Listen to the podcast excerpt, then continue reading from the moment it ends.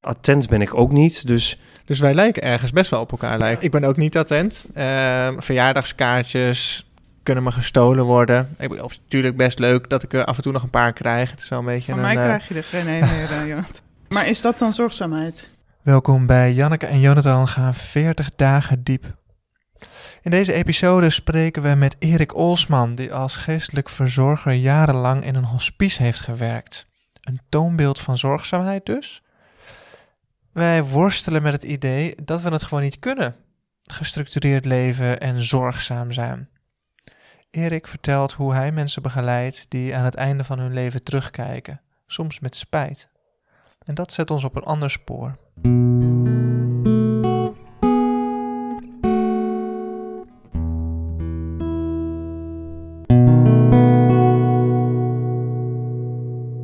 Welkom bij de Janneke en Jonathan podcast, episode 5. Eh, we zijn goed op weg in de 40 dagen tijd en eh, we hebben weer een leuke gast aan tafel. Ja, hier bij ons is aangeschoven in onze mooie studio aan het IJ.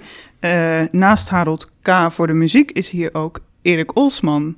Erik, wat ontzettend leuk om jou weer te zien. insgelijks. Wij hebben eh, samen gestudeerd aan de VU hier in Amsterdam.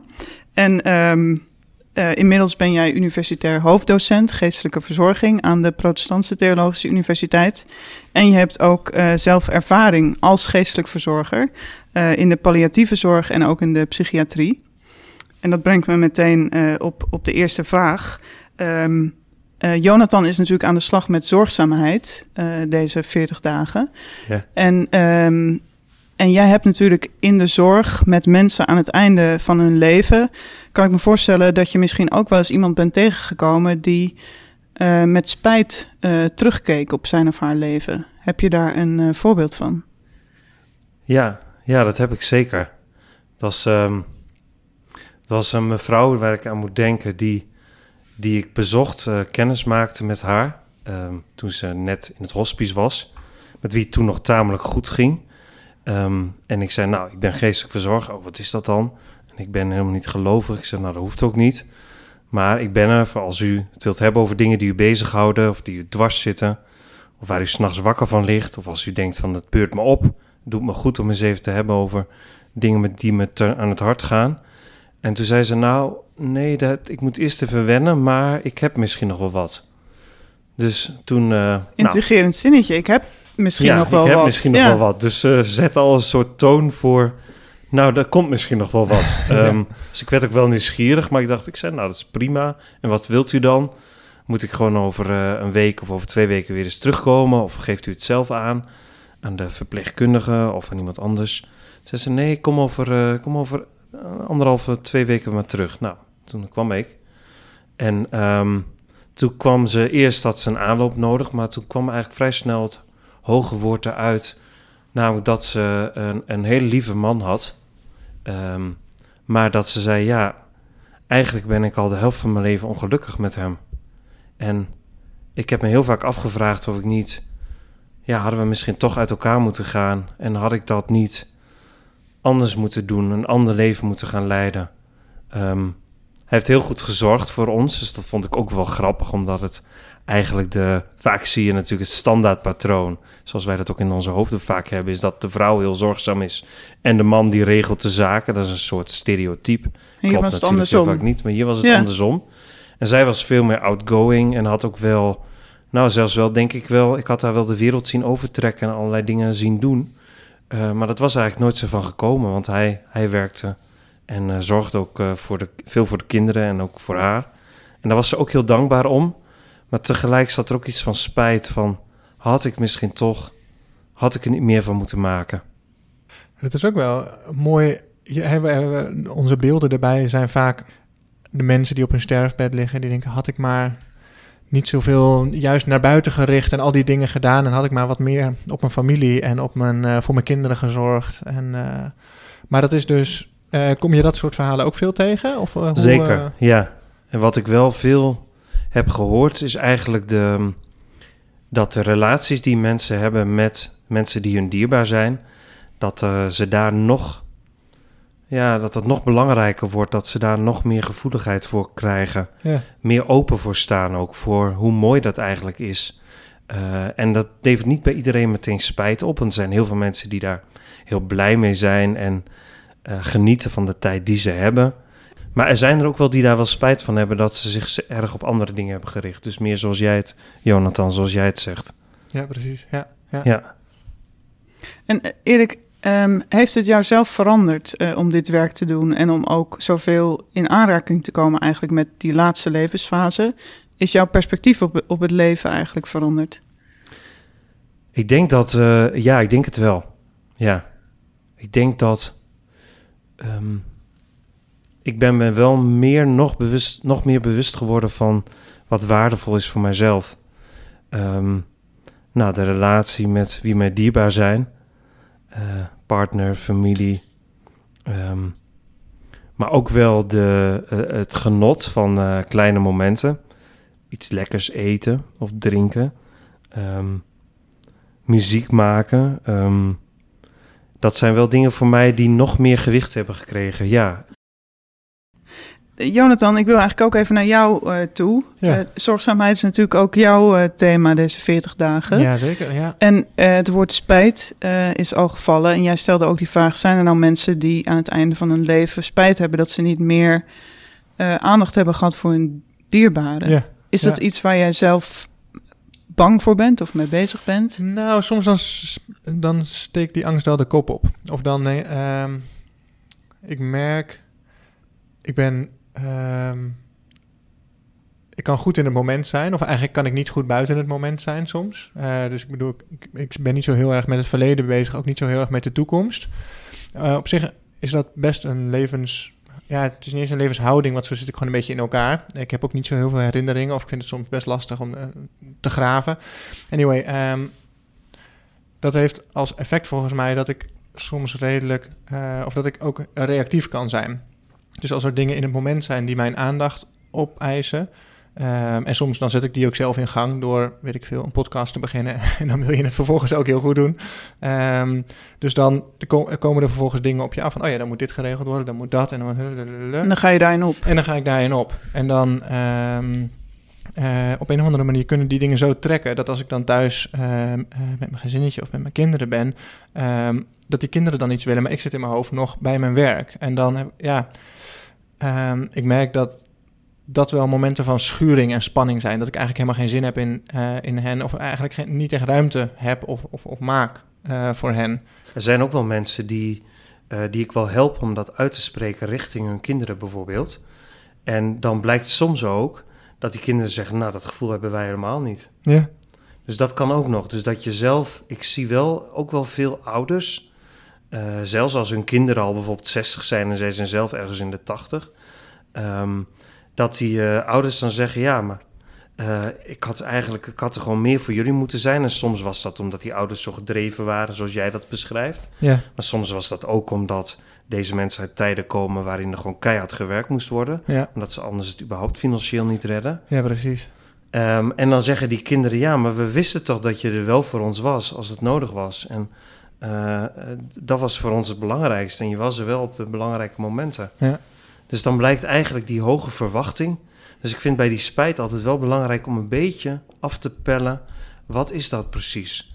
En eh, vinden de anderen dat ook? Ja, Want heel veel heeft wel te maken met wat er in de hoofden zit van, van mensen zelf. En ik, soms is het ook zo dat je denkt, nou, jij had misschien wel wat meer spijt mogen hebben. En dat zijn dan net mensen die er nergens last van hebben. ja precies. en ja. dan zie je, die, soms zag je dan kinderen of partner enorm worstelen. Dat je dacht, nou, jongen, het gaat alleen nog maar over hem of over haar die nu die ziekte heeft. Terwijl, En eh, hij of zij gedijt er ook nog wel in, maar ik ben er ook nog. En, en als probeer, partner. in zo'n situatie probeer jij dan een beetje te wrikken en wat ruimte te maken voor wat reflectie of hoe, Ja, hoe dat nou, aan? wrikken klinkt wel weer wat eh, bijna, nou, de gewelddadig is te sterk gezegd, maar ehm, voor mij is de kwaliteit van de relaties in de laatste levensfase, juist ook omdat we weten dat dat zo belangrijk is voor heel veel mensen, is wel een heel belangrijk sturend eh, criterium.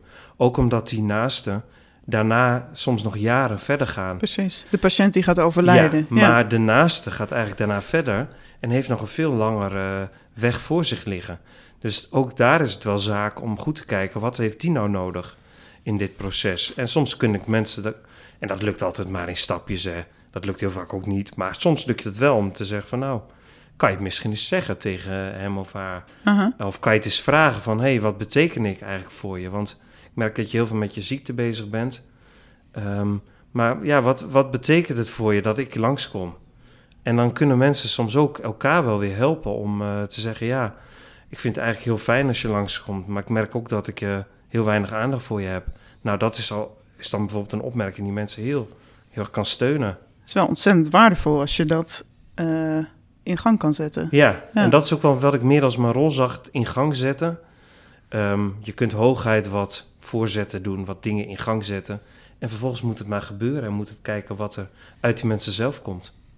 Erik, eh, jij begon met die eh, ontroerende anekdote van die eh, vrouw die misschien wel wat meer haar vleugels had willen uitslaan, maar toch bleef bij die zorgzame man.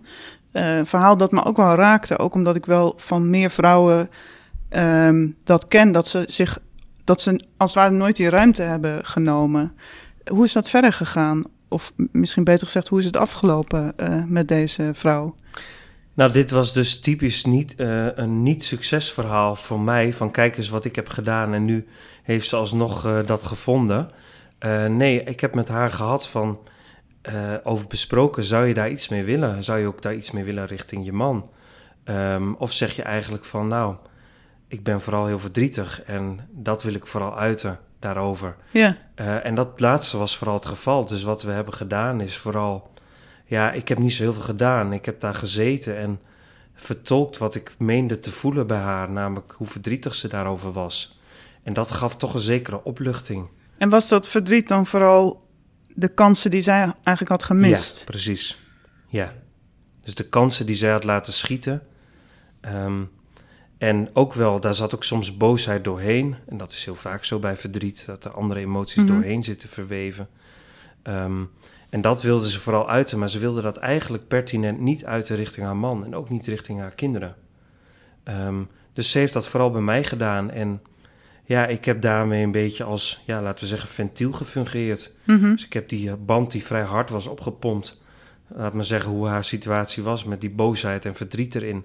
Geprobeerd om te helpen dat ventiel wat open te draaien, zodat ze toch wat ontspannender was. Ehm, En was dat ook zo? Gaf dat, dat, was haar, wel eh, zo, ja. Gaf dat haar rust? Ja, en daardoor kon ze ook wel weer wat relaxter zijn richting eh, haar man en haar kinderen. Ja, nee, Want misschien. daar was ze ook wel, reageerde ze ook wel geïrriteerd af en toe. Terwijl die ook wel, ik zag wel aan hen, dat ze dachten, ja, wat doen we nou niet goed? We komen Ja. gewoon op bezoek en we proberen aardig te zijn. Ja, Maar ja, deze mevrouw was gewoon ook kwaad en die wilde dat ook kwijt. En eh, dat is ook wel heel moeilijk met mensen die heel zorgzaam zijn. Dus dat was die man. Ja, dan mag je eigenlijk niet kwaad worden, want nee, ik doe toch, ik doe toch alles voor jou. En, eh, hij deed dan mag zo je ook nog, best. Ja, en dan Ja. mag je ook nog niet boos worden. Dus ik heb geprobeerd, en soms doe je, help ik mensen wel om dat wel te doen. Maar ik heb geprobeerd om haar te helpen dat te uiten in contact met mij. En ook te zeggen van, nou weet je... Ik ben eigenlijk net een beetje zoals je man. ja, je mag wel kwaad worden op mij. Ja. Nou ja, en ik vind het toch ook wel heel mooi dat aan het einde van het leven komen dingen ook zo op scherp te staan. Dus, dus dan is het ook het moment. Weet Ja. je, het is ook nu of nooit. Ja, klopt. Mooi. Ja. Harald, we hebben muziek. Even een adempauze. Ha ha ha. Ha ha ha. Ho ho ho. Ha ha ha. Ho. Ha ha ha. Ha ha ha. Zeg Erik, zie jij jezelf eigenlijk als een zorgzaam persoon? Ehm, nou, ik vind mijzelf niet zo heel zorgzaam, eerlijk Nee? gezegd. Nee. Dat klinkt wel gek, hè? Ja. Terwijl ik geestelijk verzorger ben geweest. Maar, Maar waarin dan, eh, wat maakt jou niet zorgzaam? Of waarin ben jij niet zorgzaam? nou, ik, heb, ehm, ik kan mij heel erg verliezen in het moment. Eh, en dat is voor het werk in de hospice ook wel heel handig en goed. Want dan ben ik er helemaal op dat moment. Ja. Ehm, maar ik zijn ook wel. ehm, ik kan dus ook in een ander moment, op een ander moment die dag, kan ik met hele andere dingen bezig zijn. En daar ook weer helemaal voor gaan en me op storten. Dat betekent niet dat ik niks meer weet van dat eerdere, maar dat betekent wel dat je zorgzaamheid heeft ook wel iets voor mij met dat geduldige, dat volhouden te maken, dat doorgaan. Eh, althans één invulling van zorgzaamheid. Ja. Ik denk dat er wel meer zijn hoor, maar daar kunnen we het zo ook nog wel over hebben. Ja, dat vind ik interessant om te verkennen, ja. ja. Ja, maar ehm, Ja, dus ik, daar ben ik een beetje gemengd in. En ik vergeet attent ben ik ook niet. Dus ja, vind ik ook Ben wel je, zorgzaam. ben je gesteld op je eigen ruimte? Ja, ja. Dus wij lijken ergens best wel op elkaar. ja want hoe, hoe zit dat bij jou eigenlijk, Ja. Jonathan? Nou, dat is wel grappig. Ik ben ook niet attent. Ehm, verjaardagskaartjes kunnen me gestolen worden. Ik bedoel, natuurlijk best leuk dat ik er af en toe nog een paar krijg. Het is wel een beetje Van mij eh, krijg je er geen een meer, eh, Jonathan. Nee, ik vind het dus wel heel leuk ehm, eh, als ik kaartjes krijg. Maar is dat dan zorgzaamheid? Nou ja, oké. Ja. dus wij, eh, attentheid. Het heeft wel met dat in het moment zijn te maken. Dus dat. Ik heb ook wel eens met Femke dat, hè, dat ik ergens geen rekening mee hou. En dan zegt ze, "Ja, maar dat weet je toch? En dan. Ja, ja, I guess. Ja, dat heb je wel eens verteld inderdaad. Maar dat is op dat moment niet per se een realiteit. Omdat je met andere dingen bezig bent. Dus. Nou ja, hè, wat jij ook zei, van het ene moment ben je er helemaal. Dus in sommige opzichten kan ik er dan ook helemaal zijn. Kan ik misschien soms zelfs zorgzamer zijn. Ehm, door er echt helemaal te zijn. Door met de kinderen helemaal op te gaan in het spel. Helemaal, nou ja, weet ik veel wat. Ehm, maar goed, als ik dan inderdaad weer in mijn werkflow zit, dan moeten die kinderen vooral even eh, wieberen. En ehm, eh, ja, heb ik, heb ik ruimte voor mezelf nodig. Ja. En dat moet me ook net uitkomen. Dus als het, als het, ja, Het is een beetje op jouw voorwaarden. wel een beetje, ja, I guess. Hoe, hoe heb jij dat dan? Is dat voor jou anders? Janneke, of hetzelfde, of, of tussenin? Eh, nou, ik heb sowieso ook veel behoefte aan mijn eigen ruimte. Eh, Dirk, mijn partner, heeft dat trouwens ook. Ehm, ik, nou, het is trouwens ook wel... eh, ik heb nu natuurlijk een kind, eh, Omar, van 15 maanden. En daarvoor, dankzij hem heb ik ook wel ontdekt dat ik eigenlijk... in ieder geval in het zorgen voor mijn kind heel zorgzaam ben. En dat dat ook niet... dat dat me niet moeizaam afgaat of zo. Waar ik wel bang voor was eh, toen ik zwanger was, dacht ik... ehm, toen had ik ook het idee van dat kind dat gaat ruimte innemen en die ruimte gaat ten koste van mij. Terwijl ik nu meer het gevoel heb, er is iets bijgekomen en het is fijn. Ehm, dus dat vind ik ook wel het spannende bij zorgzaamheid. Dat natuurlijk ook, dat hoor ik ook een beetje in wat jij zegt, Erik. Dus dat zo- zorgzaamheid, dat moet je dan volhouden, weet je. Dat klinkt, zorgzaamheid is iets dat kost je wat. ja, En Ja, dat precies. gaat ten koste van, van jezelf. Ik denk wel dat wij er heel snel ook daarover. eh, eh, dat hangt gewoon heel sterk in de lucht, die manier van denken van. ehm, ik investeer er wat in, zo zeggen mensen het ook. Het is natuurlijk een economische term. En dan krijg ik er wat voor terug. Ehm, dat is in ieder geval, ik denk dat dat een heel erg, ja, laten we zeggen, dominante manier van denken is Nu. over zorg nu.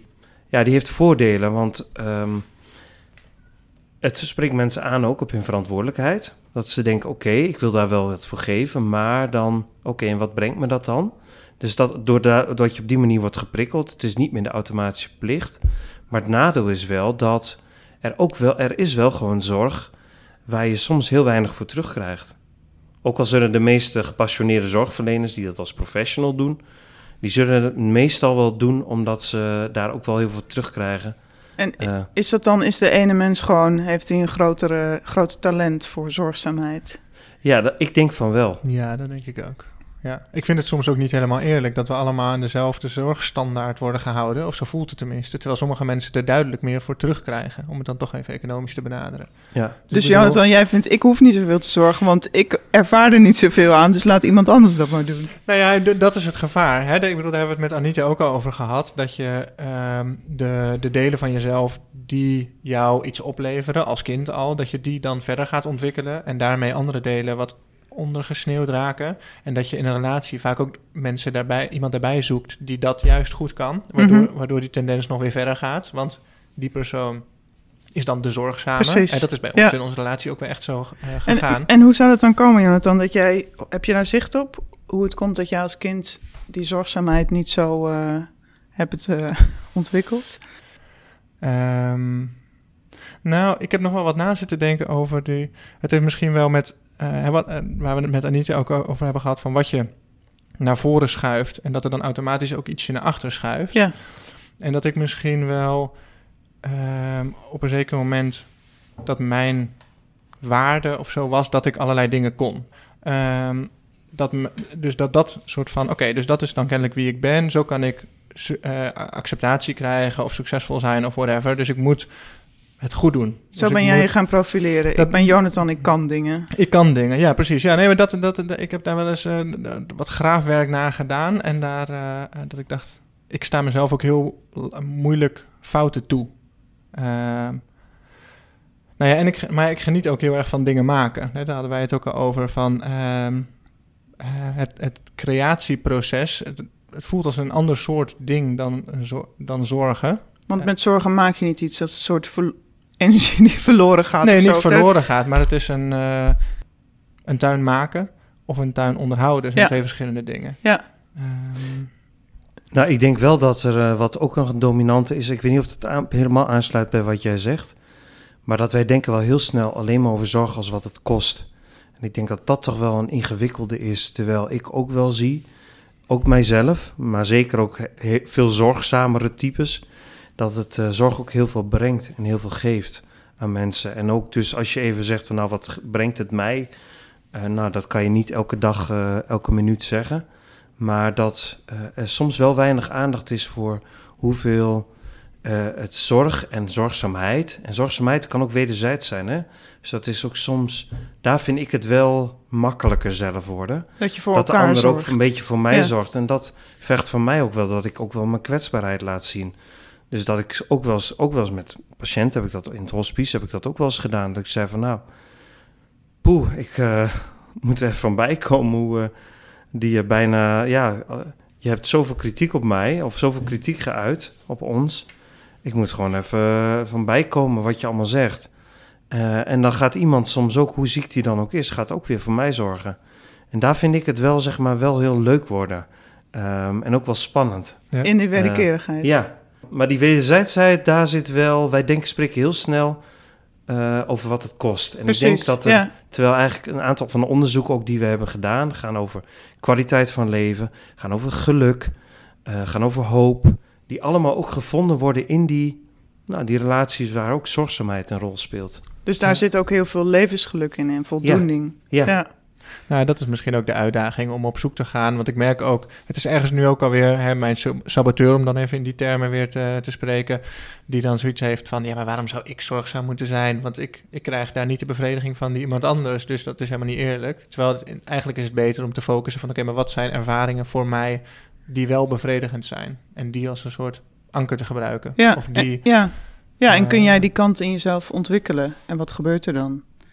In plaats van zeggen van, nou ja, ik heb dat gewoon niet. Ik krijg er geen voldoening van, dus laat iemand anders het maar doen.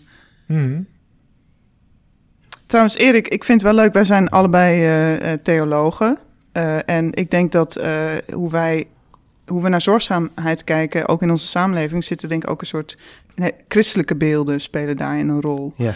Ehm, wat voor, ja, wat voor, heb jij specifiek, of de beelden die jij hebt bij zorgzaamheid, zijn die specifiek christelijk? Eh, eh, vast. Die zijn vast doordrenkt ook met eh, het christelijke, zoals ze dat voor de meeste Nederlanders zijn.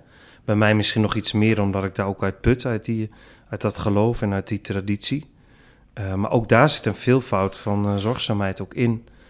Ehm, en natuurlijk ook wel weer stereotypen, waar we het al eerder over hadden. Van de nonnen die vooral zorgden voor, Ja. of de diakonessen. Dat ook wel vaak vrouwen Ja, die zorgden voor anderen. En daar kreeg je oogste je ook lof en waardering mee. Dus daar zit ook wel een kritische lijn in mijzelf. Eh, ook wel richting, eh, eh, nou, ook wel richting die christelijke achtergrond. Maar ik zie wel beelden van zorg. Ja, ehm, Ja, trouwens, ik herken dat, dat kritische. Dus we hebben het nu al over dat idee van alsof zorgzaamheid dat dat onbaatzuchtig moet zijn. En in zo'n zo'n christelijk benadrukken van eh, zelfopoffering, ehm, eh, dat het vooral om de ander gaat en niet om jou. Of dat dat in ieder geval zo heeft gewerkt, dat vind ik ook wel schadelijk, inderdaad. Voel jij je daarin geroepen? Eh, ik bedoel, heeft jouw persoonlijk geloof ook, speelt hij een rol in jouw beroepskeuze? Of dat jij op die plek terecht bent gekomen? achteraf kan ik zien dat ik daar goed op mijn plek was in die rol. En nu zit ik dan weer meer in het wetenschappelijke eh, onderzoek en onderwijs. Ehm, maar neem ik dat natuurlijk mee. Ja, was ik ertoe geroepen? Ja, dat denk ik wel. Ehm, En hoe komt het dan? Dat je, waarom ben Ja, jij waar daar op je in? plek? nou, omdat het he- heel erg gaat over... ehm, word ik en wordt die ander eh, gezien? En, en dat, dat gaat ook over mij. Zie ik die ander en ziet die ander mij? En voor mij heeft dat ook te maken met eh, geloof dat God ieder mens ziet. Dat is wel een soort kerngeloof ook al weet ik heus niet... We weten allebei als theologen ook dat je daar ook heel makkelijk alles mee kan dichtslaan... en dat je heus niet de antwoorden hebt op alle vragen. Maar dat als uitgangspunt, dat ieder mens waard is om gezien te worden... hoe gehandicapt ook, of hoe ehm, erg door dementie aangetast ook... of hoe ehm, eh, incontinent ook, of hoe... Nou, verzin alles maar waar we in onze samenleving altijd zo eh, eh, het ingewikkeld vinden... of liever niet te lang naar kijken doorgaans... Dat, dat is wel wat ik geloof, ja. En daar daar voel ik wel dat ik wel... Daar doe ik het best goed in, dat contact. Dus het is ook, het is ook, het is niet alleen jij ziet die ander, maar jij wordt ook een soort gezien. Want jouw gaven komen tot hun recht, je Ja. creativiteit. Klopt. eh, jij vindt dat gewoon leuk. Ja, klopt. Dus daar zit ook weer iets in van, het is niet zozeer opoffering, maar het is gewoon, het is een context. Ja, maar ik zou dus niet... Kijk, dat, voor mij is dus dat eh, ehm, elke dag, eh, elke ochtend vijf eh, mensen die heel ziek zijn... eh, wassen en zorgen dat ze in de kleren zitten... Dat is niet zo. Daar, daar zit niet mijn voldoening. dat dus zou dat moet ik zwaar niet gaan vinden. doen. Dat zou ik zwaar vinden. En als ik zeg zorgzaamheid is alleen dat... Ja, dan ga ik, aan, dan ga ik aan ten onder. Ik vind het wel mooi wat je zegt van het heeft te maken met gezien worden. De ander zien, zorgen dat de ander aan het licht komt. En dat je zelf daar ook in aan het licht kan komen. Hoe ervaar jij dat, Janneke? Zijn, in wat, wat zijn soort van relaties waarin jij het idee hebt dat je anderen aan het licht brengt? Waarin jij zelf misschien aan het licht komt als tweede? Ehm, Nou, brengt bijvoorbeeld eh, oma, brengt hij iets bij jou... Ziet hij iets bij jou zonder dat hij dat nog kan verwoorden? ja, zorgen voor Omar is een soort... Ja, ik blijk dat dus heel fijn te vinden. En, ik, en ook niet, ehm, eh, niet moeilijk of niet dat ik denk, jeetje, moet hij nou alweer huilen? In die zin, hij brengt ook iets in mij aan het licht. Eh, namelijk een, een ouder, een moeder, eh, die er voorheen gewoon niet was. En nu opeens wel. En ja, mensen hebben ook wel eens tegen me gezegd, ik weet niet of dat zo is, dat ik sindsdien zachter ben geworden. Ik weet ook niet eens of dat een doel van mij was, maar, eh, maar laten we zeggen dat ik wel, wat ik bijvoorbeeld wel merk, is dat ik nu ook, dat ik misschien ook wel anders daardoor naar de wereld kijk. Bijvoorbeeld alleen al hoe ik naar eh, jonge dieren kijk of zo, dan, ik raak misschien sneller ontroerd sowieso door de wereld. Dus misschien, ja, er, er stroomt gewoon meer liefde door me heen, dat is wel zo. Ja. Ja. Mooi. En dat, Nou, die ontroering herken ik wel. Ik raak ook sneller ontroerd door dingen. Ja. zie je dat niet altijd, maar ook doordat je intensief contact hebt met een ander. eh, ja, die Ja. iets met jou doet en jij met die ander. Ja. Soms is het niet eens te scheiden. Ja, precies. Nou, ja, dus, dus, dus wat je betekenisvolle contacten, eh, om het plechtig te zeggen, die openen je voor het leven of zo. Of die geven een soort verdieping. Ehm, of ja, die maken dat ik me meer mens voel. Dat herken ik wel. Dus in die zin, wat jij, hoe jij dat omschrijft, het werk wat je deed, denk ik echt, oh wauw, dat is echt ehm, ook de creativiteit die daarin wordt aangesproken. Of dat je, nou ja, zo'n gesprek met zo'n vrouw, dat je denkt, ja, wat, wat kunnen we nu nog doen? Nou ja, je kan in ieder geval nog ruimte geven aan haar gevoelens. Dat is Ja. zo, dat vind ik hele we- wezenlijke dingen. Dus dat herken ik wel. Dat, dat, eh, dat zijn voor mij denk ik ook de meest wezenlijke dingen. Dus ruimte maken voor mensen, eh, voor alle gevoelens. Ehm, niet aan de oppervlakte blijven, maar de diepte in. Nou ja, 40 dagen diep. Dat is wel, dat is een hele belangrijke drijfveer voor mij. Nou ja, en dat kun je natuurlijk ook gewoon met vrienden. Of tenminste, daar moet, ik- daar moet ik nu ook aan denken. Gewoon relaties met vrienden waar je, waar je echt tijd voor elkaar neemt. Waar je eh, de ruimte schept. En waardoor zij weer wat meer aan het licht komen. Ja, Eh, ja, Ja. familie net zo goed. Nou ja, dat merk je nu ook in, in crisistijd. Hè. Ik, ben, zit een beetje in een eh, crisis. Ehm, dan merk je ook ineens hoeveel je hebt aan mensen. Eh, en dat is ook wel heel fijn om te merken. Dat, en hoeveel je er dan voor elkaar kan zijn. Dus Ja. als alles goed gaat, dan, ehm, ja, dan gaat het gewoon zijn gangetje. En dan kun je leuke dingen doen. Maar dan als je ehm, elkaar nodig hebt, dan wordt ook weer duidelijk dat die relatie sterker is dan je misschien had gedacht. Hey, en ehm, ik ben nog wel benieuwd. Wat mijn probleem deels een beetje is, is dat ik er gewoon dus heel vaak niet aan denk. Hè, wat ik zei van ehm, heel erg in het moment zijn en die ruimte die vult zich wel en op een of andere manier mijn geest ja, die grijpt gewoon allemaal dingetjes aan. Van dat is interessant. En daar kun je nog over nadenken. Daar kun je nog mee bezig zijn. En voor je het weet, glippen wezenlijke dingen soort van tussen de mazen door. Ehm, nou ja, jij zei ook, ik bedoel, jij hebt diezelfde ehm, spanning. Eh, heb jij misschien nog tips voor mij? Ja, nou ik denk dat het ook de kunst is om ook te zien dat dat, er ook, dat, dat ook wezenlijk kan zijn.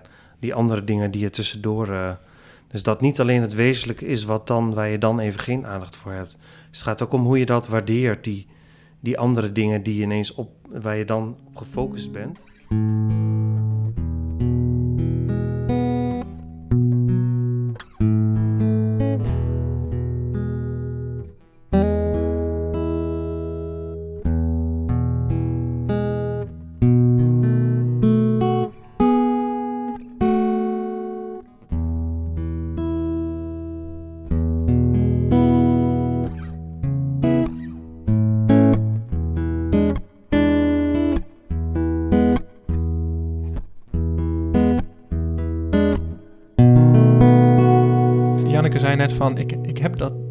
Dus niet. Dat ik denk, oh, hij haalt hij nu alweer. Maar ik heb dat dus wel. Dus ik kan heel snel geërgerd en ook echt vervuld van een soort van boosheid raken. Ehm, ehm, als het, vooral als ik ook afgeleid ben of als ik eigenlijk nog met iets anders in mijn hoofd bezig ben. Maar als ze niet doen wat ik wil of als... eh Solveig die zit nu in de, de dus die geeft ook echt vol gas terug. Ehm, dus ja, ben ik, dan, ben ik dan wel zorgzaam als ik ze alleen op, op de leuke momenten en met mijn creativiteit en lekker spelen. Oh ja, papa komt wel lekker spelen. Maar als de kinderen gaan huilen, dan eh, moet mama opkomen draven. Een beetje dat. En dan heb, krijg je, heb- ja, dan eh, komt meteen dat, dat beeld weer van die vader die hem gewoon peert om iets anders te gaan doen. Ehm, Ja. Dus al die culturele beelden die spelen er ook soort van dwars doorheen, nog Ja. samen met die religieuze. Dat versterkt het dan ook. Ja, maakt precies. het erger. Ja, dat je denkt Ja. van, oh ja, deadbeat, dad. Die, eh, Ja. Het is niet dat ik een pakje sigaretten ga halen en eh, nooit meer terugkom. En welke religieuze beelden zijn het dan die dat nog versterken? Nou ja, ook wel van eh, onbaatzuchtig zorgen, ehm, zorgen voor, ja, dat het niet om jou gaat, maar om de ander. Ja. Of zo. Ehm, terwijl in mijn realiteit gaat het toch meer om mij dan om de ander. Daar ontkom ik niet aan. Jij hebt mij trouwens een keer de tip gegeven als, ehm, als ik ergens ongeduldig over ben, eh, bedenk even over vijf minuten of over tien minuten is het weer voorbij. ja. Dat helpt mij. Dus als, soms als oma huilt en ik denk, oh, eh, eh, hoe lang gaat dit nog duren of zo? Dan denk ik, nou, over, waarschijnlijk over vijf minuten is het voorbij. Ja. Is ook zo. Dat Dat, goeie. ja, Dat je hem weer even terug, eh re-remind. jouw tip. Ja, er is ook wel mensen die stoppen met roken. Dan eh, heb je trek. Probeer het nog even vol te houden, want dat gaat weer voorbij. Nou ja, het doet, doet me namelijk ook, wat jij nu zegt, doet me heel erg denken aan mijn probleem met structuur. Dus dat het me dan soort overvalt en dat ik dan denk, ja, maar ik kan dit niet. Ja. Ik kan dit niet Ja, hoor. precies. Ja, ja, ja, En ja, dan- dat herken ik heel erg. Weet je dan, ehm, in je hoofd gebeurt dan van alles. Je bent al helemaal, je kan je helemaal niet meer committeren aan die situatie of zo. Omdat er zoveel, er roept zoveel emotie op. Ik heb trouwens wel eens ook met een psycholoog hierover ges- eh, gesproken. En die zei ook van ja, maar het is dat idee. eh, dus hè, het hele idee van cognitieve gedrags. eh, hoe heet het nou? Therapie. Nou ja, waarbij die gedachte in ieder geval heel sturend blijkt, hoewel je daar vaak niet eens zo bewust van bent. En dan die gedachte, ik kan dit niet, Ja, die, speelt, die bleek bij mij ook best een belangrijke rol. Als het dan bijvoorbeeld om die kinderen gaat, van ja, ik kan dit helemaal niet. Ik word Ja. gewoon helemaal gek. Ik, ik kan nu beter weggaan, want anders dan ontplof ik of iets dergelijks. Ja, dat wil je ook niet. Eh, dus dan, dan, dan, kun je het, dan kun je, lijkt het niet eens alsof je het goed kan, of dan lijkt het alsof je het überhaupt niet goed kan doen. Nee, dat versterkt dat stemmetje weer. het beste wat je kan doen is gewoon wegrennen, want het wordt toch niet wat. Ja, Precies, ja. Nou ja, dus dan is het, nou ja, eigenlijk waar we het eerder ook over hadden, misschien toch weer de, de zaak om juist op iets. eh, eh, nou ja, dan is het idee, je moet een positieve gedachte of een alternatieve gedachte eh er tegenover zetten. Zoals, dit is over vijf minuten weer klaar. ja. En elk kind huilt. En, Maar, en zou het ook nog doorheen. kunnen, eh, dat is misschien een enge hoor, maar zou het ook nog kunnen dat je zegt, ik ben gewoon niet de beste vader voor deze periode van het leven van mijn kinderen. En misschien zijn er andere periodes waarin dat mij veel beter lukt. Ehm, dat, ik bedoel, Ik zou dat me best voor kunnen stellen. Ja, dat dat. ehm, maar en, en alsnog wil ik de best mogelijke vader zijn. Zonder hopelijk en daar dan weer een en- enorme kramp te schieten of zoiets. Maar alsnog binnen de mogelijkheden. Ik bedoel, dat betekent niet Zo van, ik kan nu niet de best mogelijke vader zijn, dus eh, ik peer hem. Ehm, Ja, maar Nee. ja, ik moet ook weer denken aan de mildheid van Anita. Dus het kan ook zijn dat je denkt, nou ja, deze, dit vind ik gewoon heel moeilijk. Da- en dat is gewoon zo. Ja. Zonder dat je daarvoor eh, jezelf... eh.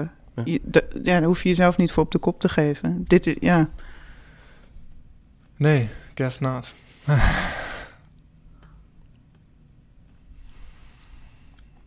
Ja, mildheid is wel leuk dat je het zegt. Op de fiets hier naartoe dacht ik. eh mildheid is voor mij wel een kern van wat ik eh probeerde te zijn als eh, geestelijk verzorger. En wat ik als mens verder in mijn leven niet altijd ben naar mezelf of anderen. Maar in mijn werk wel vond. Ik vind dat heel veel mensen ook wel weer. ehm, ja, zo tweeslachtig. Ook wel weer heel streng van zijn voor zichzelf. Ja, Of in ieder geval met name in die laatste levensfase. Dat ik wel eens dacht, joh, poeh, wat wil je... Dan heb je dat al zo gedaan en je hebt het aangepakt naar het beste kunnen. En dan ben je nog weer streng dat je... ja. Ik bedoel, ja, je rent niet weg. Dus eh wauw. Dat is op zich al heel gaaf en eh, fijn. En ik denk ook van, nou, het zou maar zo kunnen dat een van je kinderen wel een beetje als jij is. is ook wel weer fijn dat hij een beetje ziet. eh, en dat hij zich later misschien herinnert. Oh ja, dat had mijn vader ook altijd. Vond Ja, het ook zo precies. lastig. Ja. Dat is soms ook heel fijn. Dus, liep daar eh, rood eh, aan. ja. Arme man. ja, die hebben het ook zo zagen. ik weet nu al dat als, de, als Solveig in de puberteit komt, dat ze dat gaat denken, arme man. Dus ik vind ook wel, ehm, in wat jij vertelt, Erik, zit ook een beetje die uitdaging aan het einde van je leven om terug te kunnen kijken en alles te zien. En niet jezelf groter te hoeven voordoen of niet mooier. Eh, Ja. De woede mag er zijn, verdriet mag er zijn. En dat is misschien ook gewoon de uitdaging nu aan ons, eh, aan jou, Jonathan, met, eh, met je ongeduld, aan mij met mijn chaos. Dat we dat ook van, van onszelf kunnen zien en een beetje kunnen accepteren. Ja, dat vind ik wel. eh, dat vind ik ook inspirerend aan jou. Jij brengt dat altijd wel weer naar voren. Van, eh, ja, dat mag er ook gewoon zijn. Het is er ook gewoon. Je ontkomt Niet er tegen mezelf, aan. hè? Maar eh, Misschien zeg je het ook als reminder voor jezelf. zeker, ja. Ja. Ja. Maar het is, ja, soms lukt het me, maar meestal... Ik, kijk- ik ben meestal ook gewoon heel streng voor mezelf. Ja, en, da- en, en de andere kant is dat we daar ook een hoop mee bereiken soms. Dus, ehm, maar het maakt het leven soms iets ontspannender. En ik denk dat terugkijken hoeft niet alleen aan het eind van je leven, maar kan ook al heel goed nu in deze 40 dagen tijd of op een ander moment, als er een aanleiding is. Dat is ook het mooie. We hoeven niet altijd te wachten daarmee eh, tot eh, het eind van het leven, ook al doen sommige mensen dat wel. Harold, jij hebt nog een eh, liedje voor ons. En eh, eh, toen we daarover na gingen denken, ehm, wist ik eigenlijk meteen welk liedje dat moest zijn. Ik ken jouw werk wel een beetje. Ik ben eigenlijk wel best een fan van jou. En op jouw plaat Mama Courage ehm, zit een gelijknamig nummer Mama Courage. En Mama Courage is voor mij een soort ehm, voorbeeldfiguur en ook een, een, ook een afschrikwekkend beeld. En de luisteraar zal misschien wel begrijpen waarom dat zo is. Eh, wil je daar nog iets over zeggen? Wat, eh, Ja, het is misschien handig om, om het is in het eh, Limburgs dialect. Ehm, en het, eh, ja, het gaat over een mijnwerkersvrouw. En in het, ehm, dus tot, tot aan de jaren 60 heeft Nederland mijnbouw gekend, van de, vanaf de 19e eeuw.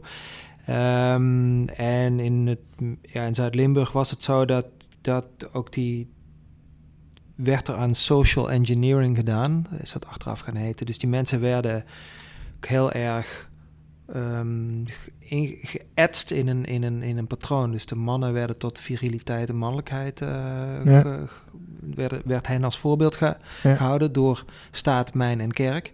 En de vrouwen moesten zorgzaam zijn, ehm, de- ja, zich eigenlijk opofferen voor, voor het gezin en ook voor de, ervoor zorgen dat er nageslacht kwam. ja. Dus die, ja, die, die, ik- ik schets een figuur die dat tegen wil en dank in dat patroon past. Dus die zes kinderen grote trekken heeft. Het is deels gebaseerd op een film van ehm, op, een, op een film met Sofia Loren en Mar- Marcello Mastroianni. Una giornata, giornata particolare. Die begint met een scène waarin een vrouw ook zes kinderen uit het bed eh, trimt. Ja, ja, ja. En papa die gaat naar, eh, papa die gaat naar de fascistische landdag, zeg maar. Het speelt eh, volgens mij net voor de Tweede Wereldoorlog. Ja. Dus die, die beelden heb ik een beetje met elkaar vermengd. En ja, het- dit nummer stelt voor mij de vraag van ja, wat als je daar niet, eh, wat als je daar niet in past? Of als je na, het, twee kinderen misschien denkt van ja, het is nu wel genoeg. Of als het, ja, Precies. of als, het- of je er misschien geen wil of een leven. Ja, ja, ja. Dus, ehm, en ik denk dat dat, ja, dit- dit- dit- het speelt nog steeds natuurlijk. Dat, dat, dat, dat, die stereotypen die leven nog steeds. En dat is denk ik ehm, schadelijk voor mannen en vrouwen. Als, als we niet vrij zijn van, eh, van die gender-stereotypen. Ja. Tenminste, zo voel ik dat heel sterk. Ja, precies. Ja.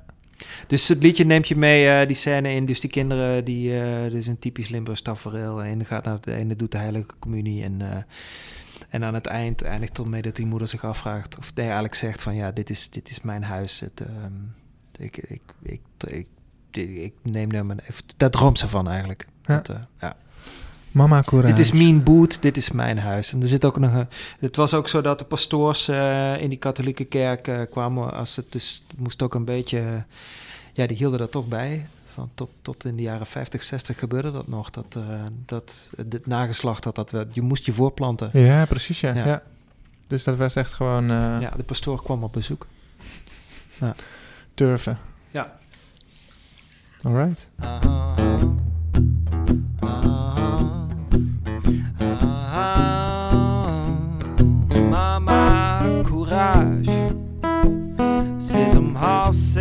opgestaan. Ze heeft 1, 2, 3, 4, 5, 6 ken je hoe het bed gejaagd. Mama, courage. Mama,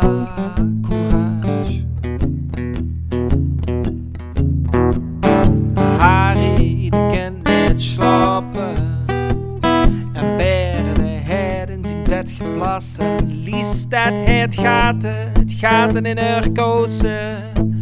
En Pierre, die gaat naar de eerste klas. En Tilla, de duite communion mee. En Tede zit al bieden, ze bieden voor fama.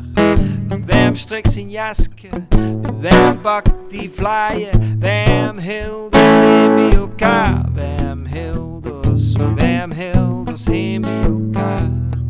1, 2, 3, 1, 2, 3, ja. Mama, courage, ze is om half zes opgestaan. Ze heeft 1, 2, 3, 4, 5, 6, ken je rode bed. Mama, die de minste zal ook uit zijn bed moeten gaan. Af in dat zwarte lok vandaag. Mama, courage, mocht geen huks kunnen verslaan. Zelfs moeten poetsen totdat het hoes weer in zijn voegen kraakt.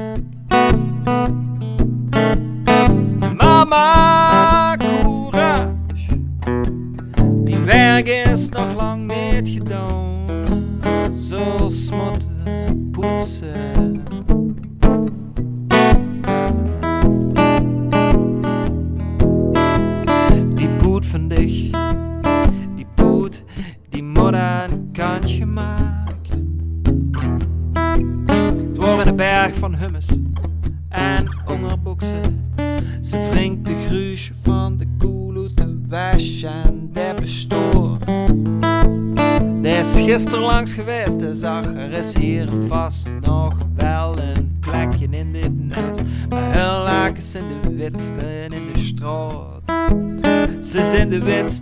De ganse kolonie.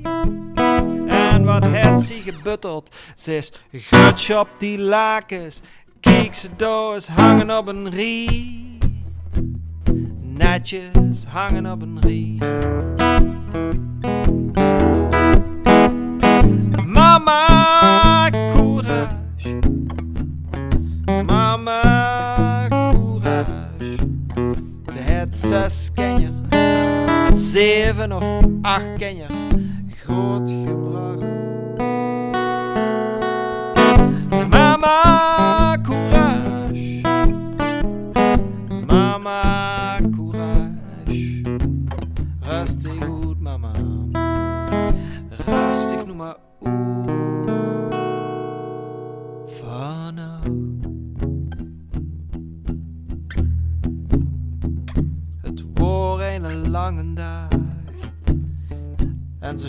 Slapen alle nee. En met de mama's laatste ligt de rusten op haar zie.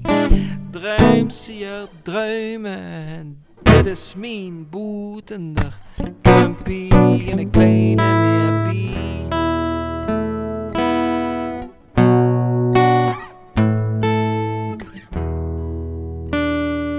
De kumpie in een kleine meerbie. Leuk dat je er weer luisterde. Als je dat nog niet gedaan hebt, abonneer je dan nog even op Spotify of iTunes. Dan eh, krijg je automatisch een seintje als de volgende episode online komt. En in dit geval is dat ons laatste gesprek met onze coach Anita. En daarin maken we de balans op. Wat ging er goed? Wat was lastig? Waar kwamen we onszelf tegen? In de loop van het gesprek blijkt eigenlijk dat we meer zijn veranderd dan we zelf door hadden. En dat geeft moed voor de laatste dagen tot Pasen. Luister je weer mee?